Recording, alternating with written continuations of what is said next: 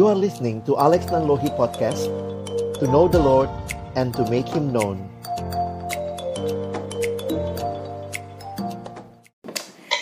Halo teman-teman, ketemu lagi di MBD Mesti banget dengerin Iya.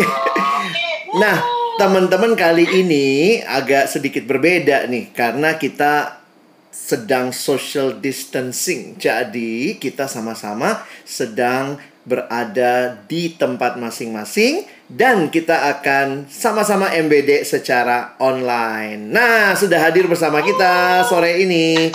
Halo Kak Evin. Halo semuanya. Halo, ada juga Bang Ernest. Halo. ada Bang Ray. Halo semua. Iya, dan ada saya sendiri, Alex Nanlohi. Baik, teman-teman, eh, kita hari ini pengen bahas tentang em, kelompok kecil.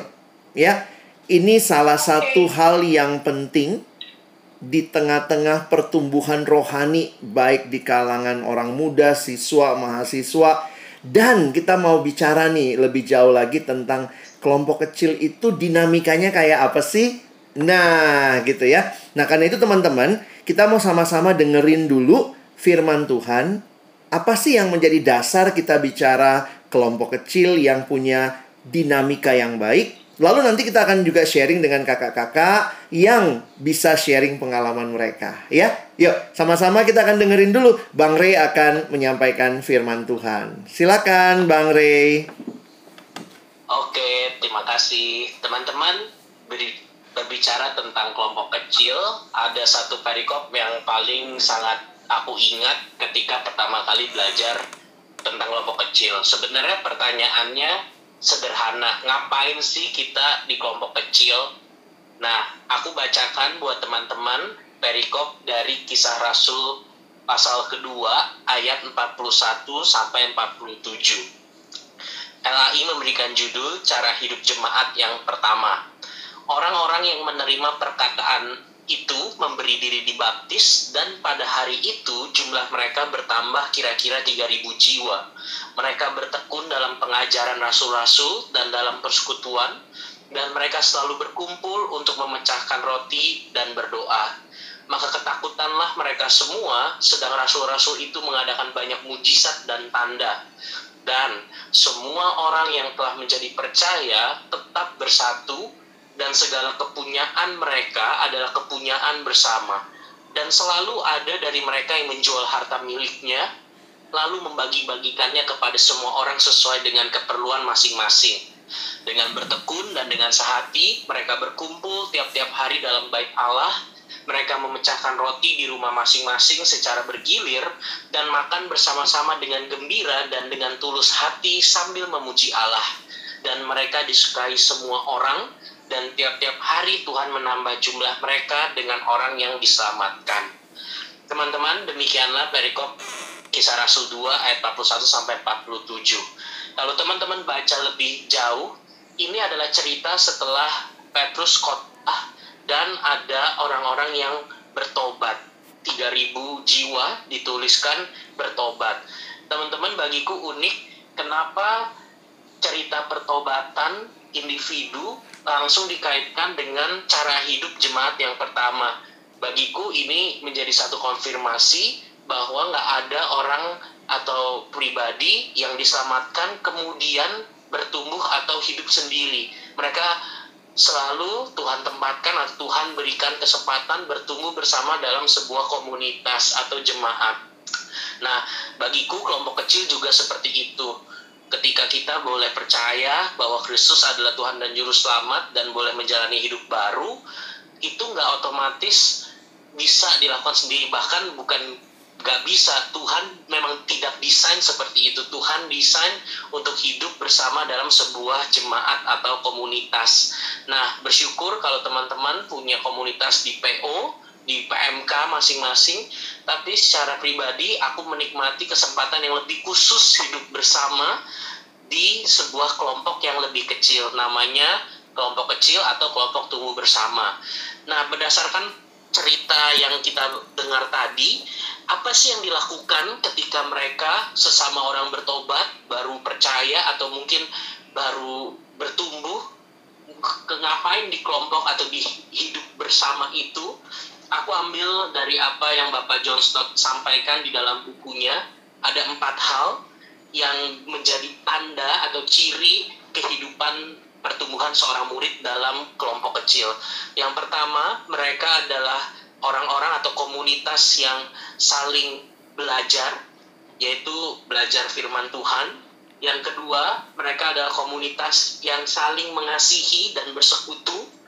Yang ketiga, mereka adalah komunitas yang setiap hari menyembah dan belajar memuji Tuhan. Dan yang terakhir, mereka adalah komunitas yang bersama-sama melayani dan bersaksi kepada orang-orang sekitar. Nah, apa maksudnya? Aku sampaikan secara singkat. Yang pertama, teman-teman, orang yang percaya belajar bertekun kalau di perikopnya bertekun dalam pengajaran rasul-rasul. Teman-teman, masih banyak hal tentang Tuhan yang perlu kita ketahui, nggak serta merta ketika bertobat kita langsung ngerti semuanya. Pertanyaan tentang oke okay, Tuhan mengasihiku menyelamatkanku tapi kenapa keluargaku seperti ini tapi kok aku ditempatkan di kampus seperti ini itu semua masih banyak yang jadi pertanyaan nah kita juga mau mengenal Allah atau Tuhan yang telah menyelamatkan kita melalui mempelajari firman Tuhan bersama-sama di kelompok kecil kita sama-sama mengenal lebih dalam tentang Tuhan, tentang karakternya, tentang rencananya, mengapa dia izinkan ini, mengapa dia izinkan itu, dan bagiku itu kesempatan yang sangat indah semakin dewasa di dalam Tuhan. Yang kedua, bukan cuma bertekun dalam pengajaran, kalau kalimatnya teman-teman bertekun dalam persekutuan. Artinya apa? Bersekutu ternyata juga perlu, perlu ketekunan. Itu nggak otomatis serta merta langsung pasti mau ketemuan. Ternyata yang namanya tekun kan perlu tenaga, perlu komitmen. Bersekutu bersama tuh apa? Aku simpulkan sederhana, yaitu belajar saling mengasihi. Aku suka kalimatnya John Stott dalam bukunya Christian Fellowship is Christian Caring and Christian caring is Christian sharing. Persekutuan Kristen adalah sesungguhnya saling memperhatikan dan apa sih sebenarnya saling memperhati, memperhatikan adalah saling berbagi. Teman-teman di perikop yang kita baca jemaat mula-mula saling berbagi harta menjadi percaya tetap bersatu, kepunyaan bersama, dan bahkan ada yang mau menjual harta miliknya dan membagikan kepada orang-orang sesuai kebutuhan masing-masing. Ya, bukan berarti kita kalau masuk kelompok kecil mesti jual harta, terus bagi-bagi. Kita bisa berbagi dalam konteks kita saat ini, mungkin dari hal yang paling nyata, benar, mungkin teman-teman di satu kelompok, ya jujur aja, mungkin punya kondisi ekonomi yang lebih baik, sedangkan teman lainnya itu makan aja kesusahan. Selalu kecap saus kecap saus nggak pernah ada lauk. Atau misalnya teman-teman orang yang Tuhan karuniakan kepintaran lebih cepat menangkap pelajaran kalian bisa berbagi itu. Atau teman-teman juga bisa berbagi waktu untuk mendengar mendoakan sharing. Dan bagiku berbagi itu sederhananya adalah melibatkan. Melibatkan teman-temanmu dalam hidupmu nanti kita bisa dengar cerita pengalaman yang lain-lain. Yang ketiga mereka bukan hanya belajar firman bersama bersekutu bersama mereka juga kemudian menyembah Tuhan bersama. Mereka memecahkan roti dan secara bergilir maupun di bait Allah. Memecahkan roti maksudnya apa? Mereka melakukan perjamuan untuk mengingat siapa Kristus. Jadi pertemuan tiap minggu, pertemuan uh, ataupun lewat grup WA sebenarnya adalah kesempatan menyembah Yesus. Apa maksudnya menyembah Yesus? Aku simpulkan sederhana, mengingat Yesus. Siapa sih Yesus yang telah mati bagi engkau dan saya? Kadang-kadang dalam hidup, jalanin perkuliahan, ketemu orang tua di keluarga, kadang-kadang masalah-masalah membuat kita lupa dan kesempatan berkelompok kecil bertumbuh bersama adalah kesempatan worshiping Jesus mengingat remembering Jesus dalam hidup kita dan yang terakhir saya bersyukur perikop yang terakhir di kalimat terakhir perikop ini nggak cuma berhenti di mereka memuji Allah, tapi ada bagian keterangan disukai semua orang dan dari situ tiap-tiap hari Tuhan tambah jumlah dengan orang yang diselamatkan.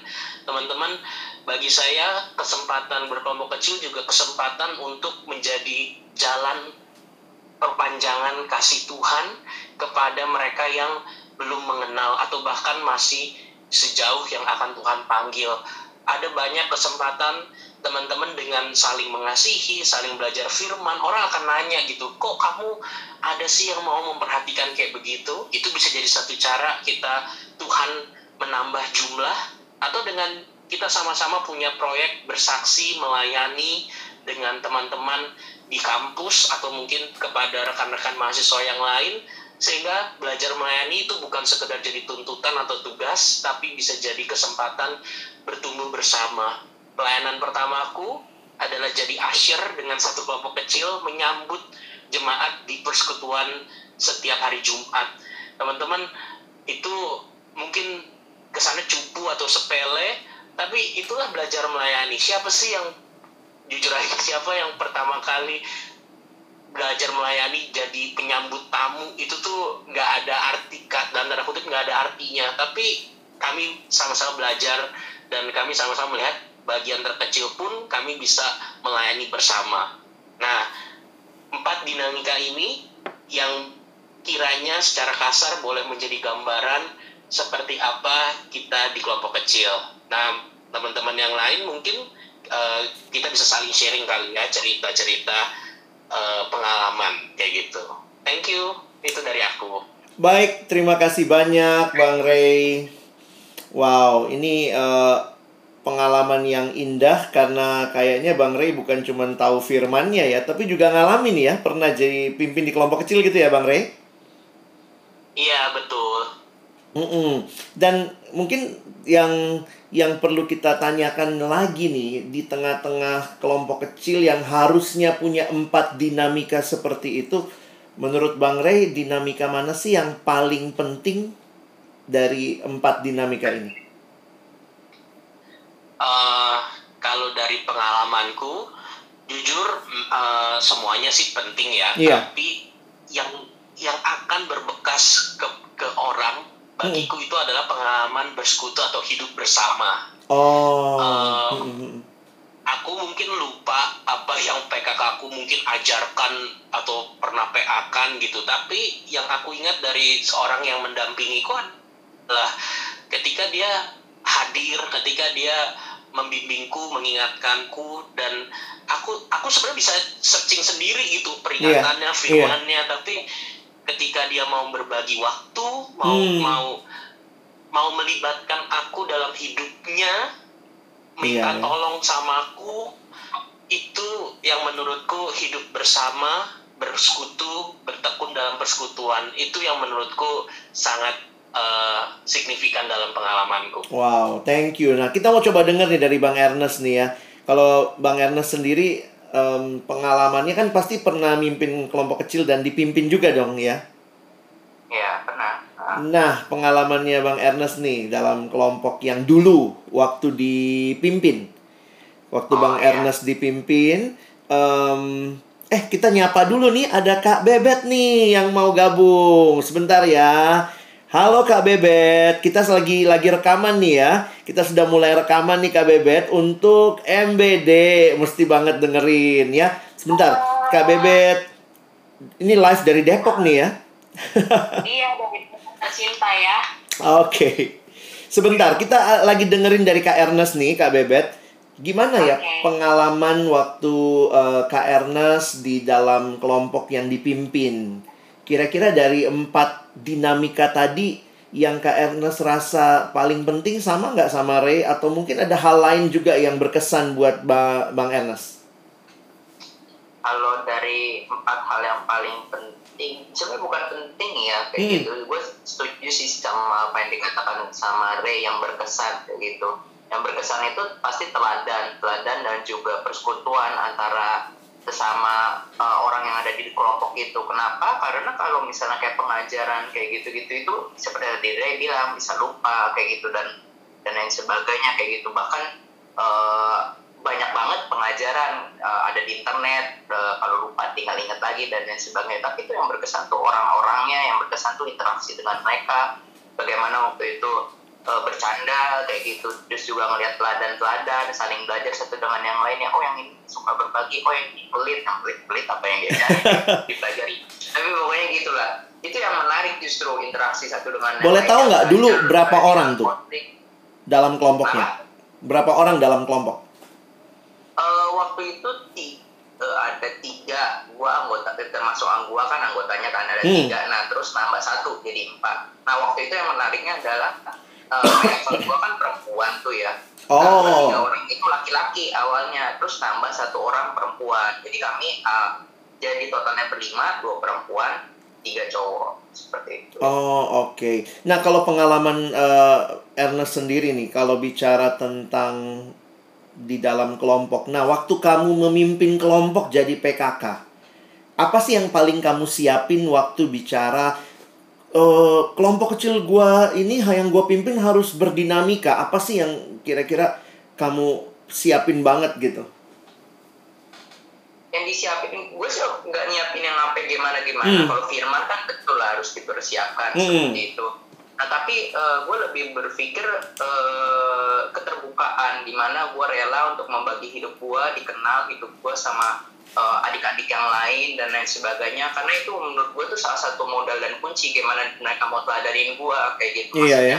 mereka nanti ngelihatnya eh, oh nih kayaknya hebat banget nih firmannya bagus baginya terus dan lain sebagainya tapi dalam hidup mereka nggak ngelihat oh ternyata uh, Ernest melakukan firman atau oh ternyata Ernest tuh eh, hidupnya terseok-seok juga ya ternyata Hmm. ada ada hal-hal yang masih dia bergumul di dalam kehidupannya menurut gue sih salah satu halnya itu sih jujur apa adanya yang autentik bukan Iya. yakin karena gue pemimpin gue harus lebih rohani dari mereka kayak gitu Atau Maksudnya, pura-pura eh, jadi rohani iya. gitu ya? iya merohani rohanikan kayak gitu Hmm. kayak kayak gitu gitu itu menurut gue salah satu modal yang penting sih membagi hidup mau terbuka untuk mengenal dan juga terbuka dikenal orang lain kayak gitu Oke, thank you Kak Ernest. Kita mau dengerin dari Kak Evin nih. Mungkin pertanyaannya sedikit beda nih ya. Kalau Kak Evin selalu berbeda. Nah, dalam pengalaman Kak Evin nih, kan biasanya kalau PKK PKK, waduh, saya mau jadi PKK nih. Gimana nyiapin supaya nanti kelompok kecilnya bisa berdinamika dengan baik? Banyak yang sibuk mikirin kreativitas tuh. Gue nanti mesti gimana ya cara kreatifnya ya supaya bikin anaknya mau sharing, mau bikin apa? Nah, pengalaman Kak Evin sendiri yang katanya kreatif nih, gitu gimana tuh? Kok berat ya labelingnya? Wah, itu labeling khusus ya. Kalau aku sih selama ini uh, se- memulai kelompok kecil gitu, hmm. uh, pertama kali yang aku lakukan tuh nggak mikirin kreativitas atau apa, Hmm. tapi memang itu jadi momen kita saling kenal, ngobrol, saling tahu. Oh ternyata calon kakak aku begini toh. Oh ternyata cek aku yang satu ini begini gitu. Jadi kan Hmm. dari pengenalan entah cara mereka belajar atau cara mereka berbicara atau bahkan kayak daya tahan fokusnya. Nah dari situ kan kita mulai bisa berangkat. Oh sebenarnya apa sih yang anak ini Hmm. butuhin gitu. Terus pendekatan seperti apa sih yang bisa kita terapkan kepada dia gitu. Karena lewat percakapan-percakapan sederhana aja dulu kenal dia gimana sih studinya, dia gimana sih pelayanannya, keluarganya begitu. Ya pertemuan pertama memang belum terbuka terbuka banget sih. Tapi kan dari situ kita bisa belajar juga. Hmm. Oh ternyata anakku yang satu ini belum terlalu terbuka gitu. Oh yang satu ini ternyata semuanya juga udah dibukain gitu di pertemuan per- pertama gitu. Nah jadi dari pengenalan pengenalan itulah gitu. Nah kita baru bisa berangkat mempersiapkan apa sih sebenarnya yang dibutuhin sama mereka. gitu. Oh, jadi yang terutama tuh bukan karena orang biasanya bicara dinamika langsung mikirin teknis. Aku mesti ngapain? Tapi menarik nih Kak Evin bicara bagaimana kita kenal mereka ya. Apalagi biasanya pertemuan pertama tuh menentukan juga apakah Hmm. mereka nyaman sama kita atau enggak gitu. Kalau kita nggak Oh. nyaman sama mereka sih itu urusan kita lah, gimana kita sangkal diri gitu ya. Hmm. Cuman gimana juga mereka bisa akhirnya ini kan pertemuan pertama atau awal-awal lah istilahnya gitu. Nah bagaimana juga membuat mereka bisa melihat oh iya sebenarnya kelompok kecil ini yang kalian butuhin dan juga Hmm. kita sama-sama mau bertumbuh bersama atas kelompok kecil ini. Jadi penting sih untuk Nah, saling kayak itu. kayak begitu berarti Kak Evin sendiri mimpinnya banyakan di kalangan siswa ya. Kalau aku 50-50 sih bang Hmm. jumlahnya. Nah, ada siswa, ada mahasiswa. Kalau dari pengalaman nih, susahan mana sih membangun dinamika kelompok di tengah-tengah siswanya atau mahasiswanya atau bukan ternyata bukan masalah siswa mahasiswanya atau faktor apa sih yang Kak Evin lihat ini nih yang bikin eh, dinamika ini lebih lebih hidup misalnya gitu. Oh, sorry bang, gimana? Kalau misalnya kan ada kelompok siswa, ada kelompok mahasiswa, yang mana nih yang dinamikanya lebih sulit? Oh, kalau dibandingin gitu ya. Mm-mm. T- Tapi ya, kalau mungkin aku mikirnya bukan susah kali ya. Hmm. Unik. Oh, Selalu unik ya. masing-masing. Gitu. Hmm. Jadi, buat tuh tiap uh, kriteria tuh punya keunikannya masing-masing. Bahkan mahasiswa sendiri, aku megang dua kelompok kecil mahasiswa, Iya. yang satu beda sama yang satu gitu kriterianya. Jadi, uh, mungkin bukan susah kali ya, tapi uniknya gitu. Nah, cuman kalau ditanya lebih meres otak yang mana gitu, Heeh. mungkin ya memang nggak dipungkiri siswa gitu ya karena kan Oh. aku hadir di satu sekolah yang tidak punya telah cukup banyak teladan apa sih kelompok kecil itu gitu kan terus Hmm. masih kayak eh, terbatas waktu gitu terus eh, orang tua banyak lah faktor-faktornya sementara kalau di mahasiswa mereka udah lihat teladan cukup banyak soal kelompok kecil jadi udah dapet tuh bayangannya nah jadi Hmm. melayani itu memang menan- lebih menantang sih untuk memimpin kelompok kecilnya gitu. Oke, nah sekarang aku mau tanya nih ke Korey, Bang Ray atau juga mungkin Kak Bebet ya yang memang melayaninya ke mahasiswa nih ya. Dalam pengalaman gimana tuh kalau ternyata punya anak kelompok kecil yang apa ya, tingkat kedewasaannya, pertumbuhannya beda-beda gitu. Terus gimana dong kita sebagai PKK mem- membangun dinamika kayak apa tuh untuk menolong mereka? Padahal kan kita tahu di tadi eh, Bang Ray bilang ada ada pengajaran, ada persekutuan, ada penyembahan, ada pengutusan. Itu gimana pengalamannya? Oke, kalau dari aku, mungkin aku pertama jadi belajar dari teladan PKK aku sendiri ya. Hmm. Jadi eh, waktu aku dulu di kelompok kecilin, kami itu ada berlima dan bisa dibilang semuanya beda-beda karakter gitu ya. Hmm. Dan em, satu hal yang eh, menjadi kesamaan kami cuman ya semangat belajarnya aja gitu. Sisanya beda semua gitu. Apalagi eh, empat TKK aku yang lain itu benar-benar tipikal yang study oriented banget lah Iya. apa yang dilakukan oleh PKK aku saat itu dia eh, tetap mengadakan pertemuan kelompok kecil berlima gitu ya berenam bareng dia tapi satu hal yang pernah dia tinggalkan adalah dia tetap eh, apa ya punya relasi personal yang dekat dengan kami masing-masing Hmm. gitu dan eh, belajar dari itu akhirnya aku ngerti deh ya kalau dulu kan agak-agak em, merasa terganggu kalau diajak ngobrol berdua atau di telepon gitu kan atau diajak makan berdua tapi eh, belakangan jadi ngerti oh iya ya memang eh, perlu eh, apa ya sesuatu yang lebih personal sifatnya gitu ketika eh, aku punya masalah sendiri yang nggak bisa aku share ketika di pertemuan kelompok kecil nah PKK aku tahu gitu Em, begitu juga dengan eh, TKK yang lain gitu. akhirnya itu yang aku coba terapkan ketika aku pimpin kelompok kecil nah eh, salah satu kebiasaan yang aku lakukan aku nginep bang Oh, sebentar nih Kak Bebet noise-nya lumayan nih ya. Ada apa tuh ya? Mereka gitu ya Ada suara burung.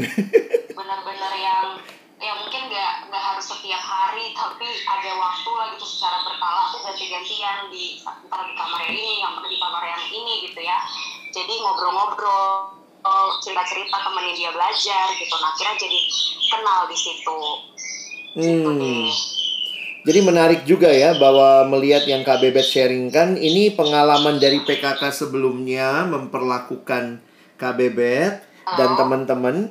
Thank you Nah, ya ceritanya. itu menolong ya Belajar untuk mengenal bisa mereka Mm-mm. dengan uh, relasi personal yang lebih dekat karena mungkin ada hal-hal yang nggak bisa mereka share ketika di pertemuan kelompok bareng Mm-mm. tapi aku bisa tahu gitu dan akhirnya dari kedekatan itu aku tahu untuk mengemas materi tambahan untuk yang satu atau mungkin ada hal-hal yang dia secara personal butuhkan misalnya teman cerita nah aku bisa lebih intens ke yang satu kayak gitu Oh. Mm-mm. Nah, kalau pengalaman Bang Ray sendiri nih, Bang Ray sendiri Lu gimana? Mau nambahin nggak? lu Punya pengalaman juga nggak? pengalaman terkait Gimana? Beda-beda orangnya, AKK-nya satu lebih begini, satu lebih begini. iya pastilah ada Mungkin pertanyaannya kalau buat Gimana- siswa gimana kali. akhirnya memberikan mereka gitu ya Iya, iya gimana? Mm-mm. kalau ya tadi kan yang udah bebet sharingin mungkin aku juga coba dari pengalaman yang lain ya sharingin ya salah satunya adalah juga akhirnya mempelajari karakternya PKK sih itu karena kan kita juga punya karakter PKK nah itu kita gimana juga mesti mawas diri dan benar-benar kenalin kebutuhannya AKK terus eh, sebenarnya eh, apa sih pendekatan yang tepat juga kepada setiap sifat dan karakter yang unik dan berbeda ini gitu. Nah, jangan sampai kita melihat karakter AKK tuh sebagai sesuatu yang sulit duluan atau kayak ah nggak bisa nih gitu. Karena kan pasti tetap di balik itu semua tuh ada alasan, ada reason yang membentuk mereka seperti itu. Nah itu yang perlu bikin kita PKK tuh akhirnya pahami, tapi bukan berarti excuse. Nah tapi ketika kita paham itu, oh berarti kita tahu effort apa yang harus kita kasih ke dia sebenarnya. Itu sih paling kalau aku. Oh, oke.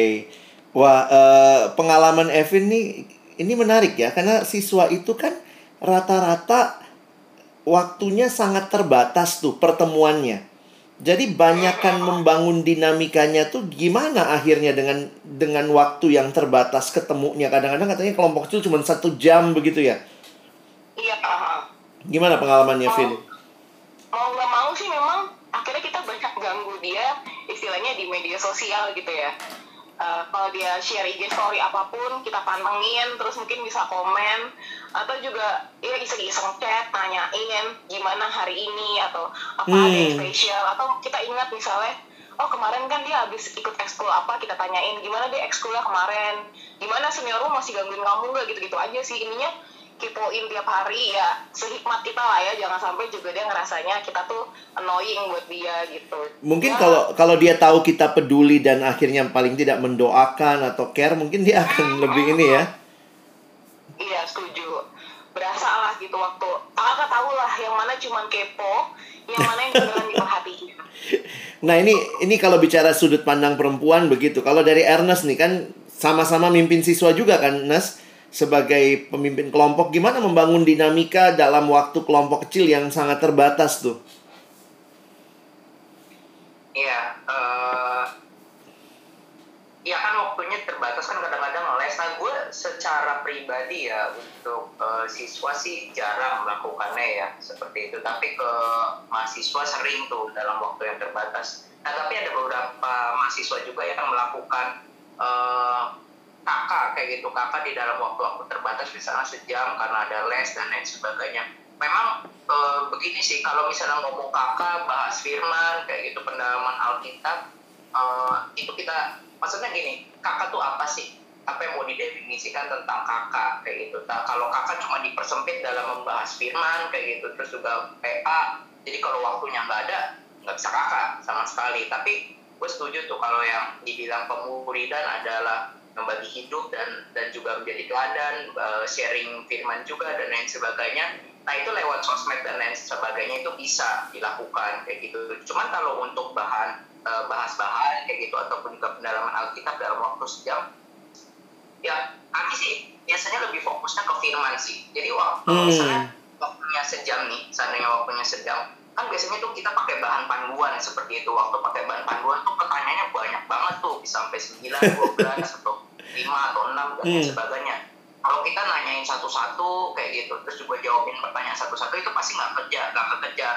Tapi lebih ke kita bahas firman coba dalam dalamin firman lebih lama renungin firman terus juga eh, apa yang didapat dari firman digali. Nah nanti bawain renungan singkat eh, sebagai PKK nah itu sih cukup sih dalam waktu sejam beberapa mahasiswa kayak gitu yang pelayan-pelayan eh, siswa yang eh, dia merupakan mahasiswa terus jadi melayani siswa. Nah mereka melakukan hal itu pun bisa akhirnya walaupun dulu tuh metodenya tuh mikirnya waduh eh, kelompok kecil nih kayaknya nggak bisa nih jalan nggak bisa ketemu nih sama sekali. Yang satu les yang satu ada kegiatan apa disuruh mama pulang lah atau yang satu wah gue nggak bisa nih jadwal kuliahnya penuh dan lain sebagainya. Nah kalau metodenya dengan cara yang lama tuh nggak ketemu tuh solusinya kok gitu. Nggak nggak ada Hmm. pertumbuhan sama sekali. Kalau gitu nggak ada yang namanya bahas firman sama sekali. Kakak cuman status doang kali. Nah itu sih kayak gitu. Sama ini sih begitu sih. Lebih banyak fokus ke firman kalau di dalam pertemuan eh, tatap muka ya. Kalau benar-benar waktunya tuh sempit. Seperti Oh. itu Nah mungkin mau tanya ke Bang Ray nih ya, eh, pengalaman di pelayanan mahasiswa apakah juga ngalamin kesulitan dengan waktu yang terbatas, padahal kita juga lihat ini harus dibangun dinam- dinamikanya, gimana tuh menyiasatinya Bang? Eh, kalau aku sih ya jujurlah mungkin malaikat juga tahu mahasiswa juga sibuk ya semua Malaikat juga tahu.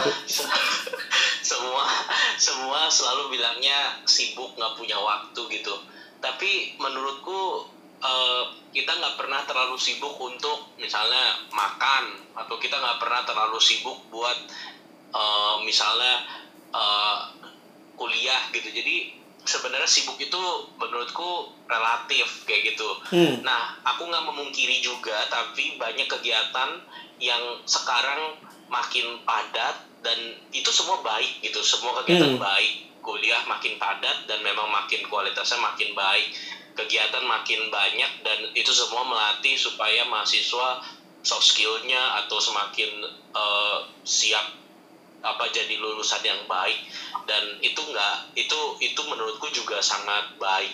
Nah, masalahnya bagaimana kita sebagai PKK bisa menjadi eh, sahabat atau bahkan kalau aku pakai istilah Alkitab menjadi ayah dan ibu Hmm. bagi anak-anak yang kita layani kita nggak menurutku kita bukannya harus ngubah orang kayak gimana kok enggak gitu Ki- maksudnya kita kita tuh bukan melihat AKK bukan jadi kayak objek yang harus dicapai hal ini hal ini hal ini.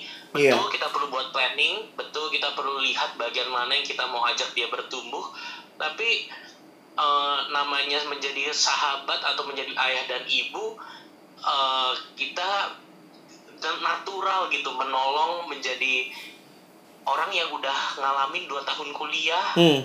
eh, udah lebih lama belajar bagaimana nolongin adik-adik yang baru karena Iya. kita pun juga masih terus bertumbuh kita pun juga masih terus belajar masalahnya waktu kita cuma empat tahun di kampus nah Hmm. gimana selama punya waktu dua tahun kalau emang kakak kita itu bagian dari hidup kita kita pasti kasih waktu kok buat bagian dari hidup Hmm, kita iya. dan dan dari situ kita pasti bisa cari cara aku buatku datang ke ngajar belajar bareng untuk ujian itu juga bagian dari proses pemuridan terus Iya. berdoa bareng Hmm. mem- mempersiapkan mau ujian atau misalnya ke rumahnya bareng ketika orang tuanya sakit atau misalnya Iya. eh, ada saudaranya yang sakit jadi dan di situ belajar bareng fir- belajar firman bareng kasih renungan memang effortnya di kita sebagai PKH gimana Iya. me- membawa firman gitu menyampaikan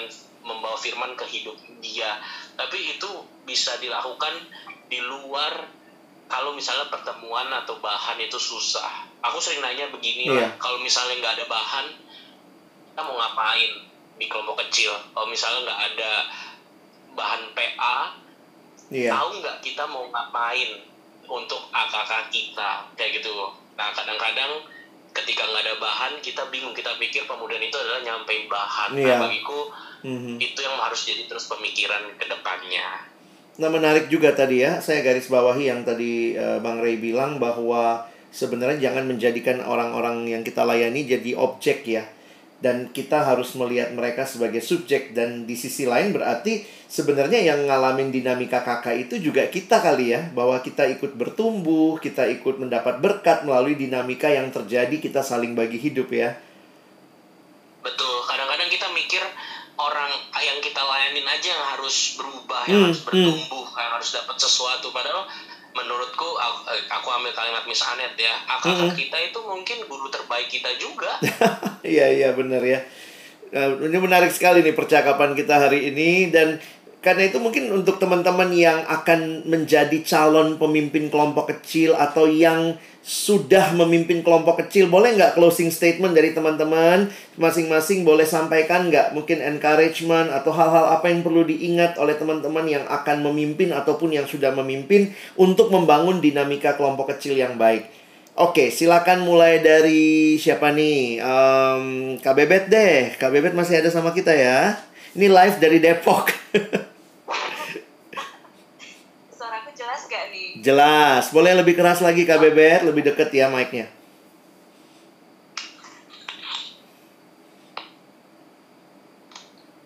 Oke, okay, um, kalau dari aku mungkin berkaca dari pengalaman aku apa ya memuridkan lah selama hmm. ini, yang aku uh, garis bawahi adalah aku mudah uh, ya gimana ya kadang-kadang aku mudah patah semangat kalau udah gak direspons dengan baik dari hmm. kakak-kakak aku gitu um, hmm. sehingga yang aku mungkin harus sampaikan ke teman-teman tetap kerjakan bagian kita sebagai penabur-penabur gitu kan dan, eh, dan dan tetap teruskan kasih dari Tuhan buat mereka ya urusan pertumbuhan mengenai kapan waktunya dan sebagainya aku makin meyakini ya itu bagian Tuhan kayak gitu. Yang penting kita setia ngerjain bagian kita. Itu bang. Oke, terima kasih Kak Bebet. Seru sekali suara latar belakangnya Kak Bebet di sana ya. Thank you loh. Kita mau dengerin uh, Iya, itu suasana hutan sekali ya. Kita mau dengerin Kak Ernest nih. Hutan UI ya. Kak Ernest gimana nih? Ya, uh, pesannya ini sih gue kepikir kayak gini.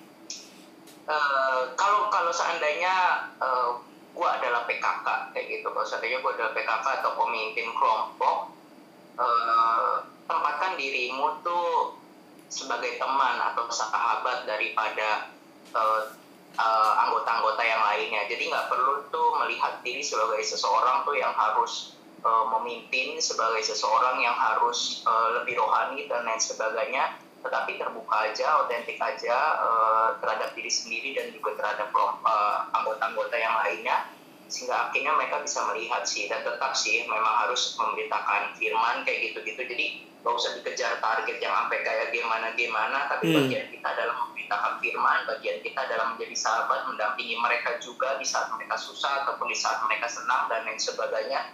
Nah berharapnya sih seperti itu. Kalau sama, sa, sa, kalau seandainya eh, gue adalah AKK kayak gitu atau gue adalah anggotanya seperti itu.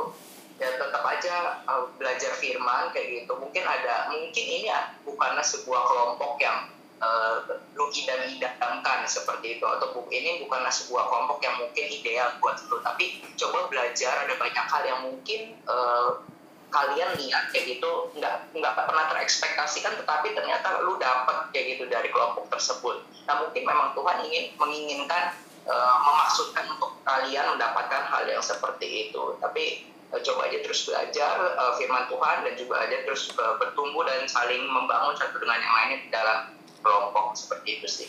Oke, okay. terima kasih banyak Kak Ernest. Um, Bang ini gimana? Ada um, closing statement buat teman-teman yang sedang disiapkan jadi PKK atau mungkin buat yang sudah memimpin sebagai pemimpin kelompok kecil. Gimana Bang Rey? Kalau dariku kadang eh, kadang-kadang kita mesti ingat gitu ya di Alkitab itu cuma ada murid kok, nggak ada AKK, nggak ada PKK, hmm. nggak hmm. ada pembuat murid itu pembagian kita untuk meng mengkoordinir pelayanan. Tapi yang paling mendasar Alkitab cuma menyebut ada murid. Jadi uh, apa pun bagianmu baik akan menjadi PKK atau masih menjadi AKK kita semua murid dan murid itu seperti perikop tadi mau bertumbuh bersama, mau bersekutu bersama, mau mengasihi bersama, mau melayani bersama.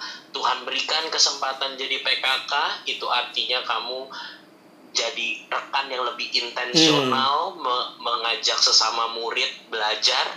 Tapi kalaupun bagianmu saat ini sedang menjadi AKK, masih terus bertumbuh. Kalau nanti jadi PKK, itu pun juga sama masih terus bertumbuh. Jadi Hmm.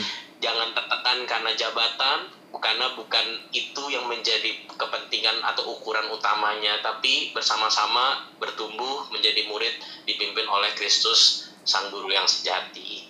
Terima kasih Bang Ray. Ini kayaknya udah siap banget kita memimpin ya. Begitu mendengar nih pesan-pesan yang luar biasa. Terima kasih kakak-kakak dari Kak Evin. Oke, kira dilupain bang. Oh enggak, sengaja sih ditaruh yang pamungkasnya. Kalau aku, ya dari aku teman-teman eh, menjadi murid begitu kan atau pemuridan artinya kita nggak cuman memuridkan tapi kita juga dimuridkan. Hmm. Nah karena itu dalam prosesnya mungkin bukan cuma sekedar nanti melihat checklist begitu atau ngerjain rutinitas, tapi kita juga semakin perlu sadar apakah kita juga semakin serupa dengan Kristus begitu yang memuridkan kita lebih dahulu begitu. Jadi berharapnya juga dalam proses pemuridan ini kita pun sebagai orang-orang yang memuridkan dan dimuridkan juga menikmati semakin dibentuk hidup serupa Kristus begitu. Itu kalau dari bang. Baik, terima kasih banyak eh, kakak-kakak, abang-abang yang luar biasa. Eh, kita bentar lagi mau tutup acaranya. Kita dengan seru, seru akan menyerukan. jadi berdoa nih buat teman-teman yang akan jadi calon pemimpin kelompok kecil ataupun sedang memimpin kelompok kecil. Mari terus membangun diri, membangun kehidupan sebagai murid di hadapan Tuhan dan kerjakan dinamika itu sebagai sebuah gaya hidup yang kamu hidupi bersama dengan orang-orang yang Tuhan percayakan berjalan bersama-sama. Jadi kita bersyukur untuk episode kali ini dan nantikan episode-episode berikutnya waktu kita akan bicara lagi tentang murid, pemuridan, kelompok kecil dan semuanya ada di mana? Di MBD. Mesti banget dengerin. Mesti banget. Yeay, sampai jumpa teman-teman. Bye.